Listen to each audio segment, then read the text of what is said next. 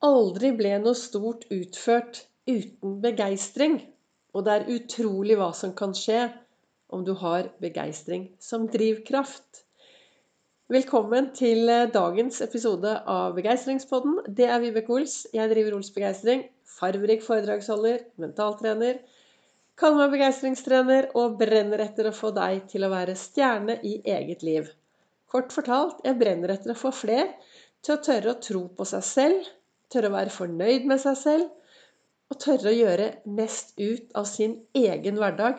Og hva skjer da om du har begeistring som drivkraft? For mange, mange, mange år siden så var jeg ute og gikk tur.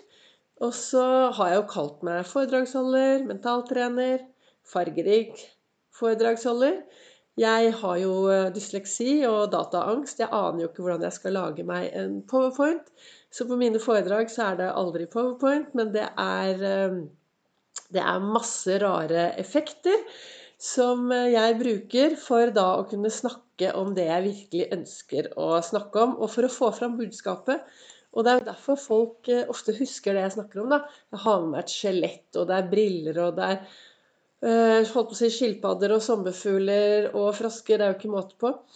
Men så gikk jeg denne turen da for eh, mange mange år siden, og så plutselig så falt det bare ned i hodet. Vibeke, du kan kalle deg begeistringstrener. For det er jo det jeg brenner etter. Å få flere til å få litt mer begeistring inn i hverdagen. Og i dag i boka mi til Lasse Gustavsson så står det Aldri ble noe stort utført uten begeistring. Og det er Ralph Waldo Emerson som har sagt disse ordene.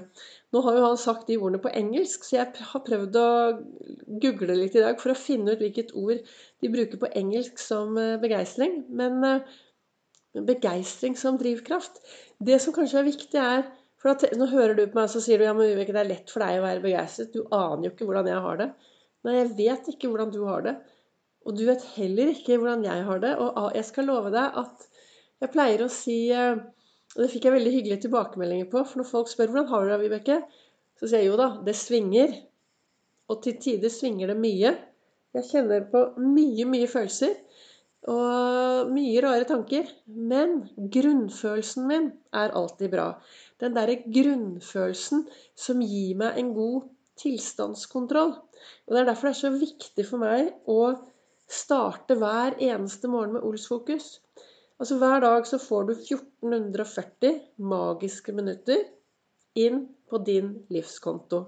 Dette er minutter det er sånn helt umulig å sette på en høyrentekonto for å bruke én dag i fremtiden. Dette er minutter som du trenger å ta tak i og investere i i dag. Og hvor mange av de minuttene kan du bruke om morgenen til å investere i din dag, altså i din hverdag, så at du får en god start på dagen? Det er helt opp til deg. For meg er det viktig å bruke noen minutter hver eneste dag for å sette meg selv i riktig tilstand. Og for meg å sette meg selv i riktig tilstand, så betyr det å fokusere på stor dose med takknemlighet. Finner tre ting hver dag. Det kan være små ting, men bare det å være takknemlig. Og så finner jeg noe bra med meg selv. Et eller annet. Tre ting. Små ting. Det er noe med det at eh, hvis det er ting du er veldig misfornøyd med deg selv, så kan du enten gjøre noe med det, eller du kan eh, akseptere altså Enten gjøre noe med det, eller så aksepterer du det og lar det være. Og så får du gjøre det om til noe bra med deg selv isteden. Og så finner jeg alltid noe jeg kan glede meg til hver dag. Små ting å glede seg til. Og nå er jo jeg i full fart, full fart med denne feiringen min, så her er det jo feiring hver eneste dag. Jeg skal komme tilbake til senere eh, hva feiringen er, men jeg feirer hver dag. Tar det igjen senere, en annen ny episode. Men uh, disse, disse tingene gjør at jeg får en god tilstand. Og så topper jeg dette med å finne noen jeg kan gjøre noe, en forskjell for. For det er noe med det at hvis du kan glede noen andre, så blir det dobbel glede. Du blir jo litt glad, du òg. Og helt til slutt, det viktigste spørsmålet hver dag Hva kan jeg gjøre mot meg selv i dag for å være snill mot meg selv? Så finner jeg noe jeg kan gjøre, og nå driver jeg med denne feiringen av livet, da. Så, så våknet jeg Jeg lurer på om det var i går eller forgårs jeg våknet, og så slo det meg. Vibeke, vet du hva, du er helt frisk. Du har ikke vondt noen steder. Vet du, Jeg våkner om morgenen, jeg har ikke vondt. Altså det er ingen vondter. jeg er frisk, jeg kan sprette opp. Da er det lett å være glad og takknemlig. Og så Alt dette gjør jo da at jeg får begeistring inn i hverdagen min. Så dette er min måte å få begeistring. Også i kalenderen min når jeg satt her borte og reflekterte i dag morges, så står det La aldri en eneste sjel i verden fortelle deg at du ikke kan være akkurat den du er. For du er jo bra nok i den du er. Det er jo ingen andre som er akkurat som deg. Så fortsett med å være den du er.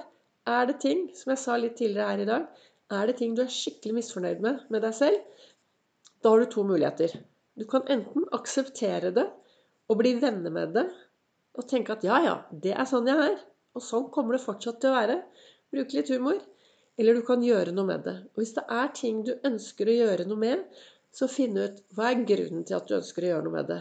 Er det indrestyrt, eller er det ytrestyrt? For hvis du ønsker å endre deg selv for å tilpasse hva andre som du kanskje tror at andre tenker og mener om deg, så kan det bli veldig vanskelig. Men hvis du ønsker å endre ting ved deg selv, og, det, og det er indrestyrt, du virkelig vil det av noen for å gjøre det bra for deg selv, så er det mye, mye enklere å få det til.